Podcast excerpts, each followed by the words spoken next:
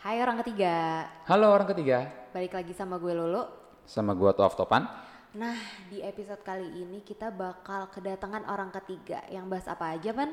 Orang ketiga kali ini akan ngebahas tentang pengalaman dia ngebangun usaha dari usia muda, under 30, sekitar 27 tahun kalau nggak salah. Mulai dari nol ya. Betul, mulai dari nol banget. Betul. Dan kenapa kita bikin episode kali ini menurut kita beri pribadi karena masih banyak orang-orang tuh yang takut untuk bikin usaha sendiri mulai dari Betul. nol. Takut gagal lah, takut nggak dapat investor. Takut bangkrut, Iya, bener banget. takut rugi, rugi sama bangkrut sama sih. takut, pokoknya kebanyakan takut Banyak mikirnya deh. ya. ha-ha. Dan mungkin orang-orang yang sudah nyaman dengan rutinitas sebagai karyawan, ya mereka mikir mau usaha tapi ya gimana sih cara ngelawan rasa takut itu? Oke, langsung aja kita ajak ngobrol orang ketiganya. Bayu Idris.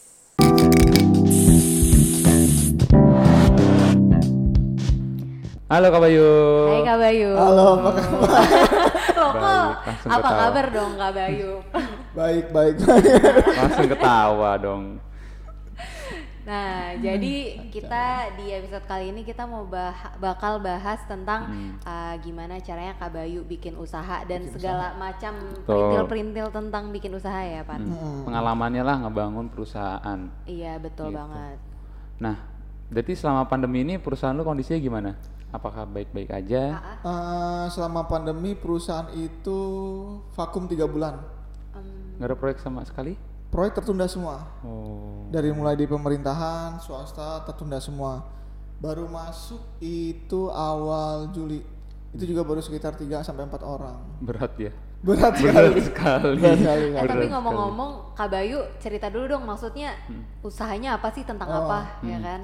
Jadi usaha usaha Usaha apa? Tahu. Usaha lu dibilang apa? usaha gue tuh eh, di bidang jasa konstruksi, khususnya konstruksi bangunan, bangunan sipil. Oke. Jadi meliputi apa pekerjaan landscape, taman, interior, desain, dan rumah gitu. Kontraktor lah intinya. Tapi bener kan ya lu dari usia 27 ya mulai ya? Mulai dari 27 kan? Dari 27 mulai. Dari 27. Dari sebenarnya enggak. Gue tuh kan eh, dari SMA kan gue D3, D3. D3 di Poltek itu gue langsung ikut kerja sama Om tuh. Iya. Udah ikut kerja sama Om, lulus 2000 2007 awal. Udah langsung mulai kerja tuh 2007 awal. Oh, 2007 awal mulai, mulai kerja. Ya, mulai kerja 2007 awal, kerja ikut orang, baru gua sempat eh, bikin usaha sendiri itu kurang lebih tujuh tahun yang lalu kayaknya. 7 tahun. Pas mau nikah, 2014. ah, pas mau nikah tuh langsung gue resign, bikin usaha sendiri deh tuh. Nggak takut tuh malahan Kak Bayu? Justru itu, justru karena mau nikah itu dikasih rezeki yang banyak. Oh, Jadi waktu pas mau nikah, itu waktu zamannya bikin stasiun Palme- kereta api Palmera, gue dapat kerjaan borongan di eh, Mabes, Mabes TNI, Oh iya, Mabes bikin TNI. aula Nasution. Waktu zamannya Pak Muldoko masih jadi kasat kayaknya, Itu dekat Masjid Istiqlal ya? dekat masjid Iya. Istiqlal. langsung gede ya Kak Bayu? Itu hampir 19 miliar. Gila, gila, gila. 19 miliar lu. Diker- dikerjainnya waktu pelaksanaan dua bulan. Oh. 19 19 miliar dua bulan itu gue dapat gue dapat fee dari situ kurang lebih 350 juta buat nikah. Yang pertama kali lu Wow. pertama kali apa namanya? Pertama kali bisnis proyek lu tuh di itu proyek itu berarti ya? Enggak, sebenarnya dari beberapa sebelum waktu gue ikut sama orang nih ya, waktu gue gabung sama orang, dapat kerjaan bangunan, misalkan bikin kos-kosan, bikin Oh. rumah-rumah dua lantai. Nah dari situ kumpulin modal, bikin usaha sendiri gitu. Nah, kan kenapa lu malah milih udah 2007 ke 2013 kan udah sekitar enam tahun, berapa sih? 6 tahun 2007 ke 2013 tuh udah sekitar Iya, 6-7 tahun. 6 Iya, sampai tujuh 7 tahun kan dari, udah jadi karyawan kan. Ha-ha. Nah, apa yang ngebuat lu mikir malah lu ah gua harus buat sendiri itu kenapa? Kan Justru kalau karyawan kan enak kan, per bulan dapat uang pasti. Apa kurang? Apa karena buat nikah? Apa gimana? Coba. Eh, apa sih Ten? Lupa gue. Kenapa lu udah lu udah 7 7 ta- ya lu berapa sih tahun sih jadi karyawan? Kerja sama orang berapa tahun sih? Hampir enam tahunan. 6 tahun kan, 6 Iya. tahun tuh lu kerja sama orang kan. Heeh. Nah, kenapa lu milih mau usaha gitu padahal kan Udah jadi karyawan iya, ya. jadi karyawan kan udah bisa ngerjain proyek sampingan, terus juga bulanan dapet. Itu namanya takdir, gue juga nggak tahu. Tapi enggak beneran. Mantap. Jadi apa namanya? Kalau kita merencanakan sesuatu, Hmm. kan kadang nggak harus lurus aja bener sih tiba-tiba ada arahnya nah oh jadi iya sih bener gue nggak niat waktu itu bikin usaha Oh. sebenarnya waktu gue resign itu waktu gue ingat banget waktu gue resign gue dapat proyek di Rawa Bogor uh, di daerah Tangerang dekat bandara ya udah gue resign abis itu gue kerjain itu nah gue nggak tahu tuh tujuan gue abis itu ke mana oh nah setelah resign dapat proyek itu bertubi-tubi proyek dapat. Alhamdulillah Iya. banget ya jatuhnya rezeki nomplok. rezeki nomplok. Heeh, nah bener-bener. waktu itu masih eh, apa gue bikin gue ingat banget bikin penawaran proyek di 7-Eleven jadi gue bikin penawaran proyek ada tim gue satu orang buat administrasi. Kita begadang tuh di 7-Eleven belum punya kantor waktu itu. Bikin pemasukan penawaran di 7-Eleven segala macam. Habis itu menang proyek jalan lagi. Jadi kita kantornya ya di proyek itu selama s- dua tahun kayaknya gue kayak gitu. Nah tahun kedua dapat pinjaman rumah dari salah satu teman di di kementerian lah dapat pinjaman rumah gratis. Hmm, wah, sama sekali nggak bayar cuma bayar listrik karena itu rumah kosong harus dirawat ya udah kita kita jadiin kantor. Oh iya iya. Gitu. di mana deh lokasinya deh itu posisinya di Johar. Di Johar baru ya ya itu kantor pertama berarti itu ibaratnya. kantor pertama. Kantor sebelumnya sebenarnya di ini di 7-Eleven itu kadang di Alfamart kita ngerjain dokumen tender. Oh. Kadang di 7-Eleven kita ngerjain dokumen tender. Berarti pas abis resign itu itu lu belum tahu mau bikin usaha? Belum tahu. Tapi dapat proyek udah dikerjain aja? Iya belum tahu. Tapi berarti ada kemungkinan sebenarnya uh, apa lo pindah kerja gitu bisa aja. Atau sebenarnya emang lo ya gue kayaknya nggak mungkin akan kerja di orang lagi deh. Tapi gue belum tentu juga mau bikin usaha. Gimana tuh? Sebenarnya ada gen gen. Iya jadi ada gen. Gen. Keluarga gitu gimana oh gen. Dari gen. Gen lah ya. Karena keturunan uh, orang tua tidak ada yang uh, jadi karyawan. Oke. akhirnya bikin usaha sendiri tuh. Jadi ingat banget waktu kerja di PT Paros tuh. Mm-mm. gua kan bikin gudang empat lantai di PT Paros buat buat apa? Buat buat obatnya. Itu gua jualan sambil sambil jualan nasi bakar ya betul. Nasi bakar risoles gitu gitu tuh. Ya waktu gue SMA jadi setiap gue SMA bawa bekal nasi bakar. Biasanya buat jualan. Oh gitu. Oke oke. Oh iya iya. Berarti emang udah Emang genetiknya, nah waktu gua kuliah pun gua jualan. Jadi waktu gua kuliah itu eh gua jualan kayak kaos buat ospek, Mm-mm. gitu ornamen-ornamennya apa sih kayak misalkan flyer, ya emblem-emblemnya buat dibaca. banner-bannernya segala macam tuh gua jualan. Memang keturunannya, Hmm. gennya. Nah gua ngerasa kerja di orang lain bukannya gua nggak betah, Ha-ha. tapi ya apa ya, jalannya aja gitu udah terbuka untuk bikin usaha. kurang passion kurang passion Ya kayaknya. kurang passion. Jadi gue waktu kerja di tempat itu ya kerja di tempat kantor gue yang lama semua kerjaan gue kerjain dulu. Semua dari dari mulai nganterin bos gue pergi dia main golf terus dia nganterin uang ke teman-temannya ke kliennya segala macam. Itu gue gue temenin semua. Gue apa ehm, jalanin semua. Bahkan yang bukan kerjaan gue sebagai engineering tuh gue kerjain. Nah makanya ketika gue bikin usaha akhirnya gue bisa semua karena kontraktor gue waktu itu nggak terlalu besar juga tapi sama udah besar. Jadi mulai gambar gue bisa ngitung bisa gitu. Semuanya di tender bisa ketemu klien bisa. Ya karena kondisi lah gitu jadi bikin usaha. Nah berarti kan berarti ada bagusnya sebelum usaha kita harus kerja sama orang dulu gitu? Harusnya begitu. Harusnya gitu? Jadi kalau lu baru lulus eh, lu kerja di perusahaan besar itu lu hanya sebagai baut baut mur.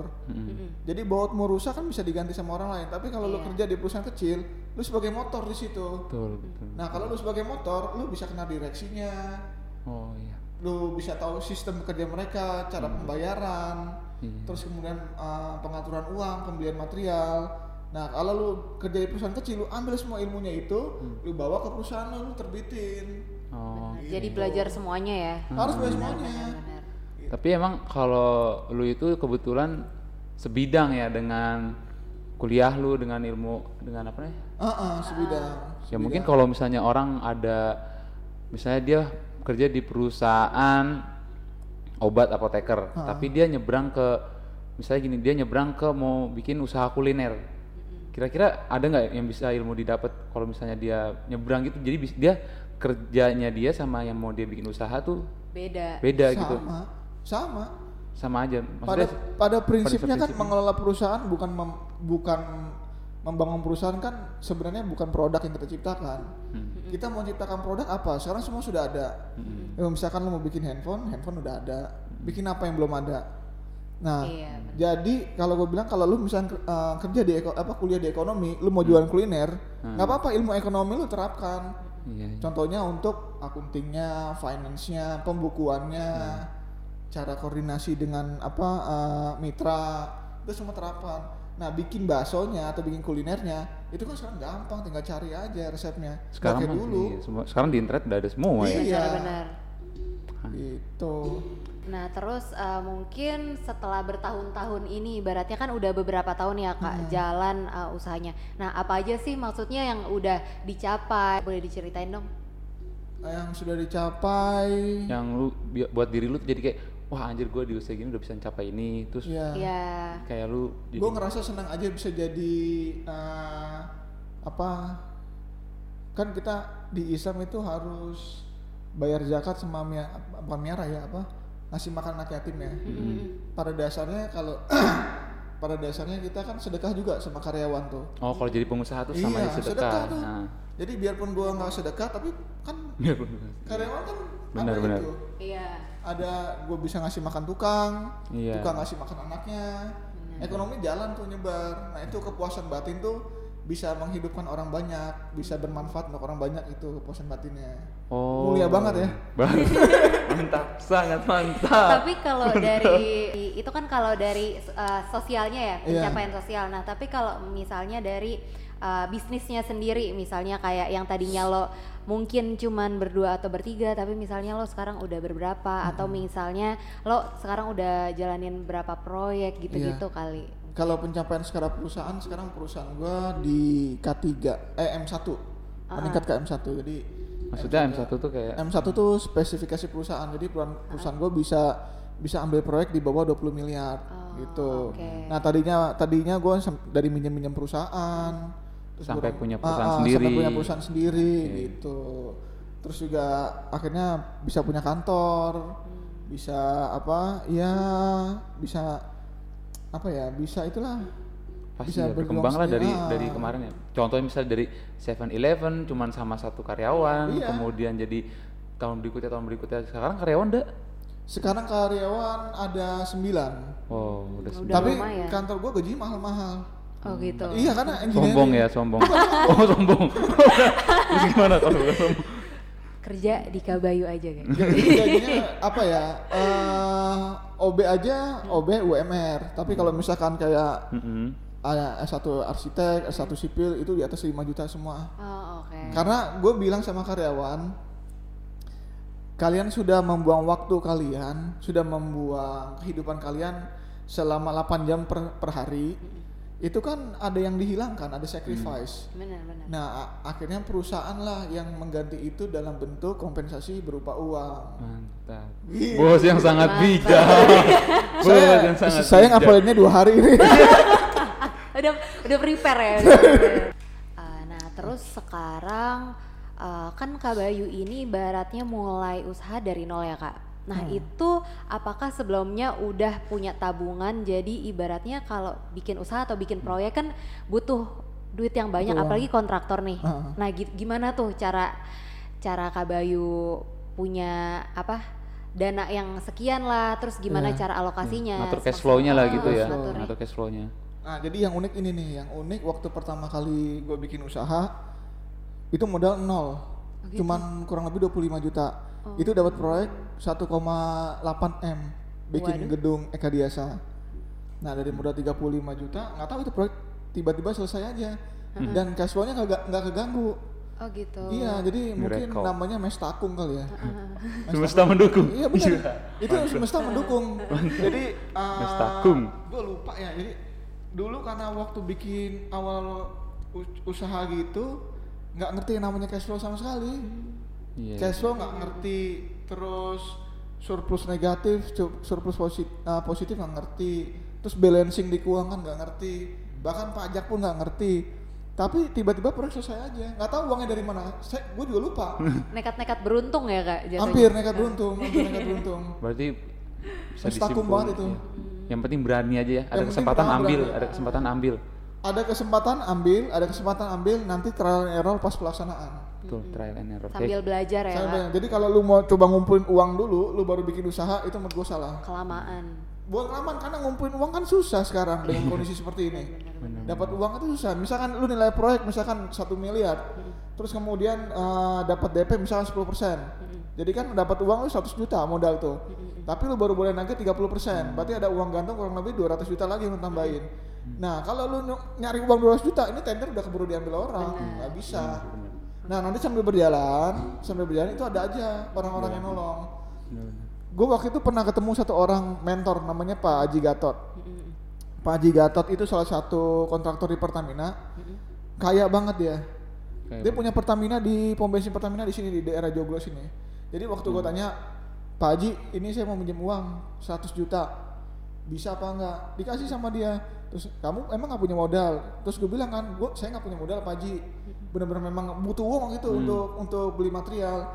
Terus dia bilang kalau nggak punya uang, dengkul kamu saya bayarin 300 juta mau nggak? Hmm.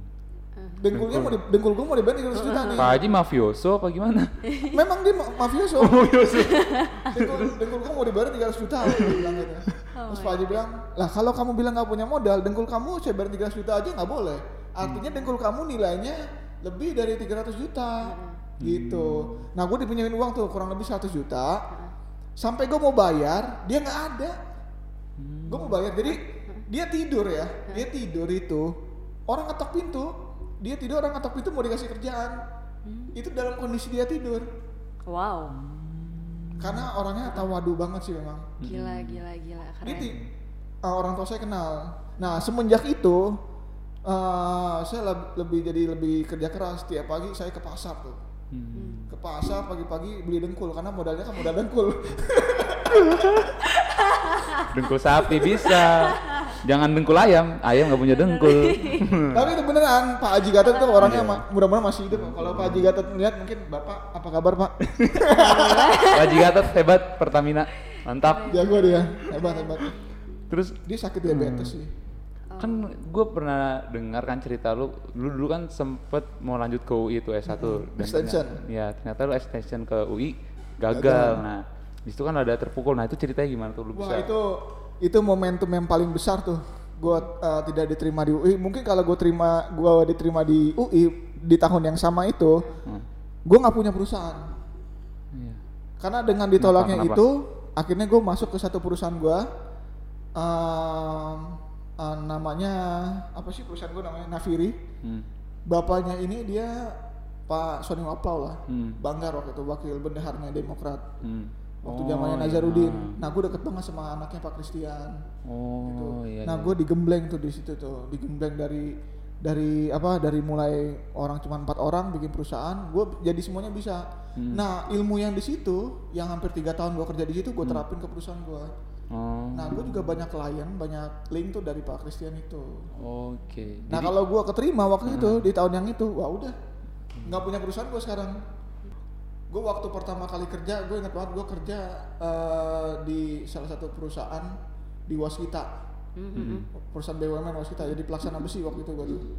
Jadi pelaksana besi kan nyokap gue orang Betawi. pelaksana besi itu ngapain? Pelaksana besi itu eh ya jadi kalau ada konstruksi bangunan? Dia kan selain bet- beton di dalamnya ada besi tuh. Hmm. Nah itu gue yang bikin besinya, ngerakitnya segala macam, ngecek volumenya.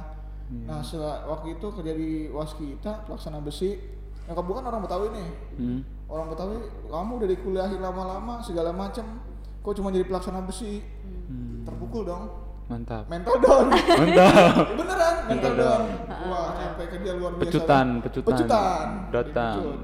Nah kemudian habis itu gue resign tuh.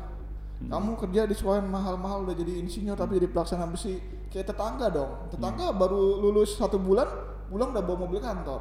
Iya. Kan terpukul. Iya. Sebagai anak pertama, ya, Mantap, mantap. saya terpukul. Saya resign langsung. Hmm. Saya mengajukan resign atas nama keluarga. Pak, saya resign. Atas nama keluarga. Ya benar. Keluarga, saya masuk ke perusahaan baru. Masuk perusahaan baru tiga hari, saya bawa mobil kantor. Hmm, Sampai, iya bener Mot. Iya. Lu inget kapan? Iya mobilnya Avanza. Bukan. Eh Avanza pesennya sih. mobil kantor, pas sampai mobil iya. kantor, orang-orang pada ngumpul. Oh, pada iya. bingung. Oh, pada bingung. gue hari itu ternyata kerja di pemadam kebakaran Ternyata dia membawa mobil pemadam kebakaran. jadi anak-anak pada bingung "Wah, kok bawa pemadam kebakaran Tenggorokanku sakit. Nah tapi oh yang ngomong-ngomong kak, tadi kan ceritanya lo itu em, apa ya kerja di A, lo uh, udah langsung deket sama anak yang punya perusahaan ya Iya, kalau salah. Ah. Terus uh, ibaratnya lo pas bangun usaha ini tiba-tiba lo udah banyak proyek sana sini, berarti Ah, kan link lo tuh bagus. Nah lo mungkin bisa ceritain juga gimana sih itu cara bikin link yang bagus, kenalan iya kayak gitu, link. gimana? itu salah satunya kenapa lu harus kerja sebelum lu kerja di perusahaan besar lu harus masuk ke perusahaan kecil. Kalau menurut gua jadi Iya, lu sih. kerja bukan di perusahaan besar karena kalau di perusahaan besar sistemnya sudah ada. Iya betul. nanti kalau ya? iya kalau ada apa-apa atas nama manajemen. Lu nggak bisa ngasih ide kreatif lu ke direksi. Benar, benar. nah kebetulan yang perusahaan gue yang lama ini karena deket nggak nggak dekat ya karena hubungannya cuma orangnya itu, itu aja. Iya betul sih. Mau nggak mau deket mau nggak mau berhubungan secara kerja Langsung, kan ha-ha. iya jadi nanti kalau ketemu ini mas kamu berangkat ke sana ketemu pimpinan nah gue berangkat tuh jadi karena itu sebenarnya jadi kalau misalnya lo perusahaan besar nggak mungkin lo bisa ketemu direksi atau lo ketemu pimpinan Betul. Benar. Jarang banget. Betul. Gue juga waktu itu kan sempet tuh kerja bareng sama Prof Renald kan. Dia juga ngomong gitu. Kamu kalau di persis sama yang lu omongin, kamu kalau itu kerja sebenarnya saya baca dari bukunya Prof Renal ya nggak apa-apa ceritain aja ceritain aja Iya, nggak bisa Prof, jadi Prof Renal ngomong, kamu kalau kerja di perusahaan besar ya kamu percuma, kamu nggak akan pernah tuh yang namanya ngobrol meeting bareng komisarisnya sama direksinya. Jarang pasti dalam hitungan enam bulan sekali juga kamu nggak akan gitu. Jadi kalau di perusahaan kecil kamu benar-benar jadi motor. benar Bener sih itu, Jadi persis motor. banget sama omongannya bapak. itu Bapak Renat mantap, iya dong betul. emang harus banyak baca sih Nah, sebagai pengusaha harus banyak baca hmm. Nah, tapi eh, sebenarnya mau kita kerja di perusahaan besar ataupun kecil sebenarnya ada plus minusnya ya. oh pasti Mm-mm, pasti pasti. pasti ada plus minusnya itu Kalau perusahaan besar kayaknya kita bisa tahu sistemnya gimana, kan udah rapi tuh kita bisa ambil terus kita adopsi buat bisnis baru kita nggak sih? Betul, Nanti, jadi nah. memang gue juga dulu gitu. Jadi gue kan kerja di perusahaan besar. Gue kerja waktu itu di perusahaan besar itu waskita sama plantation waktu itu, perkebunan kelapa sawit. Itu sistemnya gue ambil. Nah, kalau kalian kerja di perusahaan besar, itu eh, menguntungkan secara portofolio.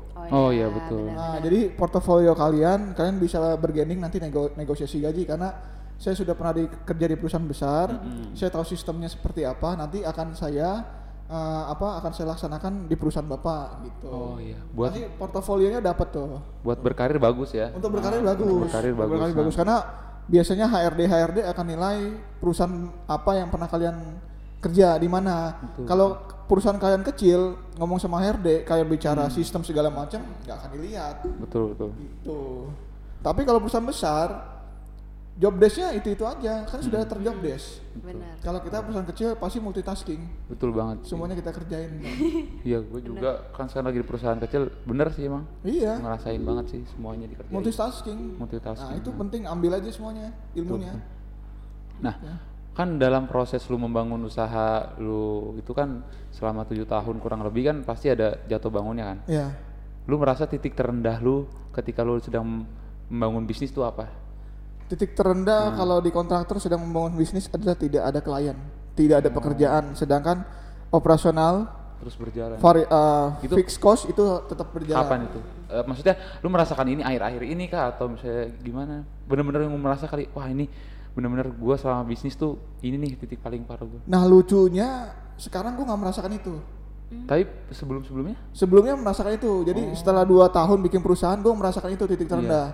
Karena saking ketakutannya harus gaji karyawan, bayar kantor, Iya. listrik, air segala macam. Titik terendah di situ. Nah tahun-tahun berikutnya mental kita ter ini terasah, ter apa sih ya terbiasa. Lah. terbiasa mental kita terbiasa tuh. Akhirnya ya udah nggak pusing karena kita tahu kita punya Tuhan kan? Mantap. Kita berdoa aja sama Tuhan Allah kasih jalan. Yakin ya penting ya oh, kuncinya. harus. Apa yang kita minta tidak boleh kita cancel. Berarti yang ngebuat lu menghadapi titik rendah itu lu bahwa lu yakin bahwa gue yakin ini pasti bakal bisa bangkit lagi. Atau mungkin ada gue nggak ngerasa bisa bangkit karena gue nggak jatuh. Oh lu merasanya itu? Gue merasa rendah aja merasa orang-orang kok bisa dapat proyek kanan kiri setiap arah ke kantor kok proyek banyak tapi gue nggak dapet. Nah itu gue sedih di situ. Nangis gue waktu itu. Cucuran air mata. nangis di situ. Nggak bisa dapet nih caranya gimana. Akhirnya berdoa sama Tuhan. Allah kasih jalan. Kenapa pada saat titik terendah lu lu nggak mikir, udahlah gue stop aja sampai di sini. Gue udah, gue mendingan kayak gue cukup deh gue daripada gue pusing mikirin apa namanya karyawan, gue mesti gaji operasional, gue mesti biaya listrik semuanya. karena Apa target gue tahu eh, target gue sebenarnya harus lewatin itu oh, jadi tidak Iya, ada iya, iya, wirausaha atau pengusaha yang tidak melalui titik terendah Oke, benar. Gitu. Berarti lu sadar bahwa memang pasti di saat bisnis itu ada fase terendahnya dan lu harus lewatin itu ya. bahkan lebih dari satu kali fase terendah Oh, Oke. bahkan berkali-kali. Nah kalau kita tidak mengikuti perkembangan zaman, tidak bisa persuasif dengan klien, cara bicara kita ngawur sama orang, udah habis kita Benar-benar. gitu. Betul. Jadi memang titik rendah tuh nggak cuma sekali, bisa beberapa kali. Gue ngerasain tiap tahun. Jadi proyek gue akhir Desember selesai, tahun berikutnya gue bingung tuh, aduh rendah lagi gue. Tapi gue nggak ngerasa jatuh, karena gue nggak jatuh. Berarti kita lama kelamaan ya Terbiasa. ya tiap tahun ah ini gue udah pernah lewatin ini Betul. terusin aja yang penting pada saat titik terendah kita nih ya udah lu hantam terus aja ya Betul, hantam terus. Udah terlanjur kecemplung, nggak bisa berenang, akhirnya belajar berenang. kayak kita lu bikin podcast ini Bener banget. iya, karena kalau Kayak kita bikin podcast ini kalau nggak di trial nggak akan tahu. betul Heeh. Uh, rugi sering banget. Rugi sering. Untung ratusan juta sampai rugi ratusan juta pernah gue alamin. Bener. Gitu. Tapi dari situ jadi tahu semuanya lah ya. Dari situ akhirnya punya intuisi. Intuisi. Intuisi itu Maksudnya harus eh, jam terbang. Iya benar. Ha-ha. Intuisi terbentuk dari pengalaman. Intuisi terbentuk dari pengalaman. Misalkan gini, Bapak dapat proyek ditawarin Pak, ini proyek nilai 100 juta. Dengan intuisi Bapak, Bapak bisa ambil atau tidak. Oh Jadi iya. baru lihat, betul. oh ini rugi nih, nggak usah diambil. Oh ini untung ambil, gitu. Mungkin- Itu nanti intuisi yang bi- bicara tuh. bener sih pengalaman ya. Makanya kita mungkin kalau melihat orang yang lebih tua memimpin tuh dia tuh nggak perlu mikir panjang untuk ngambil keputusan ya. Decision makernya cepet gitu kayak. Bukan ah, Pak, Bapak kalau bikin perusahaan harus punya tim yang beda pikiran dengan Bapak. Oh. Oh, malah gitu ya. Harus. Heeh. Jadi Iya. saya kan otak kanan, Mm-mm. finance saya otak kiri. Jadi kalau saya itu dapat proyek saya hajar terus. Tapi direm sama orang finance Oh, saya oke. nih. Oh jangan diingetin nih secara hitung-hitungan nanti rugi loh gitu loh. Nah tapi nggak kalau perusahaan itu nggak cuman finansial yang diambil pak, Iya, diambil misalnya gini. Ini kita udah tahu proyek rugi, tapi kenapa gua harus ambil? Karena di belakang itu nanti ada pekerjaan lain, Koneksi lah ya. ada koneksi lain. Nah, lain. itu yang gua hajar. Iya. Gitu. Tahu kapan harus ngegas, kapan tahu ha- harus ngerem ya. Betul. Kapan harus ngegas. Jadi kalau mau bikin perusahaan, saran dari saya eh, punya tim yang beda pemikiran dengan anda. Hmm. Nanti bahkan ada konflik yang akhirnya ujungnya itu keputusan kita tuh. Kalau satu suara, udah hancur. Tapi bukannya malah kalau uh, banyak beda pendapat jadi banyak cekcok atau bisa bubar tuh ma- malahan. No baper. Itu perlu. No baper. Jadi cekcok itu perlu karena kita saling koreksi dan diskusi, bukan kita saling berantem. Iya. Kalau misalkan saya di di, di lapangan pasti sering berantem sama mandor, sama subkon, sama owner. Tapi setelah itu selesai proyek ya udah baik lagi semuanya. Jadi uh, no hard feeling. Iya. Asik. Gitu. Jangan Jadi, baper lah ya. Jangan baper. Jangan Ba- baper. Wah, mandor sama saya udah apal banget ya. iya bener kadang kadang kadang nggak saya bayar. Waduh. Enggak, karena nggak saya bayar ada perhitungan ada Oke. perhitungannya. Bukan nggak mau dibayar mungkin karena pekerjaannya secara apa secara volume tercukupi tapi secara kualitas tidak. Oke. Nanti pas owner komplain kan akhirnya uang kita juga yang dipakai. Nah itu. Jadi saya tahan sebenarnya nggak saya bayar. Oke, berarti sarannya adalah kalau lu mau bangun usaha, justru cari rekan yang beda beda pemikiran sama lu ya. Bukan Iya. beda pemikiran sih apa ya? Beda ilmu juga, beda pemikiran, Iya. semuanya. Ya kan orang kadang ada yang pakai otak kanan, ada yang Ah, iya, pakai otak betul, kiri betul, tuh. betul. Ada yang otak kanan udah Betul sih. langsung dikerjain, ada yang otak kiri hitungannya matang banget. Iya. Tapi saking hitungan matang nggak ambil langkah. Bener sih. Nah itu palatif tuh kayak gitu tuh. Saling melengkapi jadinya. Saling melengkapi. Bener sih, bener. Itu. Oke. Nah, Terus? eh, kan Kak Bayu tadi kita ngomongin tentang titik terendah Kak Bayu gitu. Nah, sekarang kalau kita mau berandai-andai nih Kak Bayu, eh, sebenarnya ada nggak sih eh, eh, pengen punya pencapaian sesuatu nih di usaha yang sekarang atau mungkin eh, pengen bikin usaha lain? Nah, itu Iya. ceritain dong Kak. Saya di kontraktor pengen jadi skala multinasional kontraktor. Oh, iya. Oke. Makanya nama perusahaan saya kan PT Bakat Karya. Heeh. Nah karya itu kalau kita lihat kan perusahaan-perusahaan BUMN. Oke. Oh, Karya kan BUMN. Waskita karya. Osita Karya. Heeh. Terus berkarya. Berkarya. Partai ya. ya Allah. nah yang karya-karya itu kan plat merah. Iya. Makanya saya namain Bakat Karya Konstruksi. Jadi minimal mengikuti uh, itu multinasional. Hmm. Pencapaian saya pengen perusahaan saya itu jadi perusahaan multinasional. Berarti bisa ngerjain proyek di Korea, di Abu Dhabi. Bisa gitu. jadi, bisa jadi. Tapi saya nggak mau ke sana. Karena saya pengen mengembangkan negara ini. Wuh, sangat mulia. Bener Pak. Jadi kalau Bapak Nasionalis sejati ya berarti ya. nasionalis sejati saya tuh. Mantap. Jadi eh, kalau kita kerjakan proyek di luar negeri kan sebenarnya ilmunya teman-teman di sini tukang-tukang segala macam kan dapurnya tidak ngumpul Pak. Iya. Bawa dong orang dari Mahal mana? dong. Orang dari Tegal bawa dong ke Abu Mahal. Dhabi. Bisa juga sih. Ongkosin aja. Bisa juga. Iya, bisa orang juga. Tegal kesian tapi orang Tegalnya dibawa Tapi ke saya lebih pengen memang membangun bangsa ini. Waduh, mantap. boleh, boleh, boleh. Selain itu Kak Bayu, ada lagi nggak? Selain itu ya Pengen bikin usaha lain gitu, apa kek restoran misalnya atau saya memang passion di konstruksi. Jadi Oh. kalau untuk bikin restoran biar saya bantu teman-teman aja. Oh ya kak, mungkin untuk yang terakhir kali eh, kak Bayu, mungkin dari teman-teman orang keempat yang nonton kita atau dengerin kita, pengen eh, saran-saran atau pesan-pesan dari kak Bayu gimana sih Iya. eh, ibaratnya untuk kita bisa bikin usaha biar bisa Hmm. maju terus, bisa lancar dan bisa sukses. Boleh. Sarannya cuma satu, yang penting eh, Anda harus mulai. Karena kalau Anda tidak mulai, Anda tidak akan pernah bisa. Iya. Pokoknya kalian harus mulai dulu. Mulai dulu. Entah apa pun masalahnya, mulai aja dulu. Masalah keuangan kita pun punya punya bank yang bisa mendanai. Benar, benar, Masalah klien kalian carilah. Manusia kan harus bergerak. Betul. benar. Oke. Oke deh, eh, nah mungkin untuk episode kali ini cukup sekian. Thank you so much Kak Bayu udah Ya. mau Sharing- sharing, udah sharing mau datang ke sini. Sama-sama. Heeh. Betul.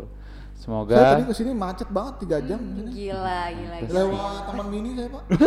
Emang tinggal di mana, Pak? saya tinggal di Bogor. Lewat Taman Mini hampir tiga jam. Saya pikir ada kecelakaan. Gak taunya kayak masnya nyebrang. boleh ini, boleh ini, boleh, boleh, boleh. Aduh, aduh, aduh, gede banget kan? iya makanya jadi macet. Iya. Gede banget tuh ya, Mas. Boleh, boleh, boleh. Oke. Oke, ya udah. Terima kasih Ya, sudah mendengarkan konten ini sampai habis. Sampai jumpa di konten berikutnya. Bye. Dadah orang keempat, dadah orang keempat.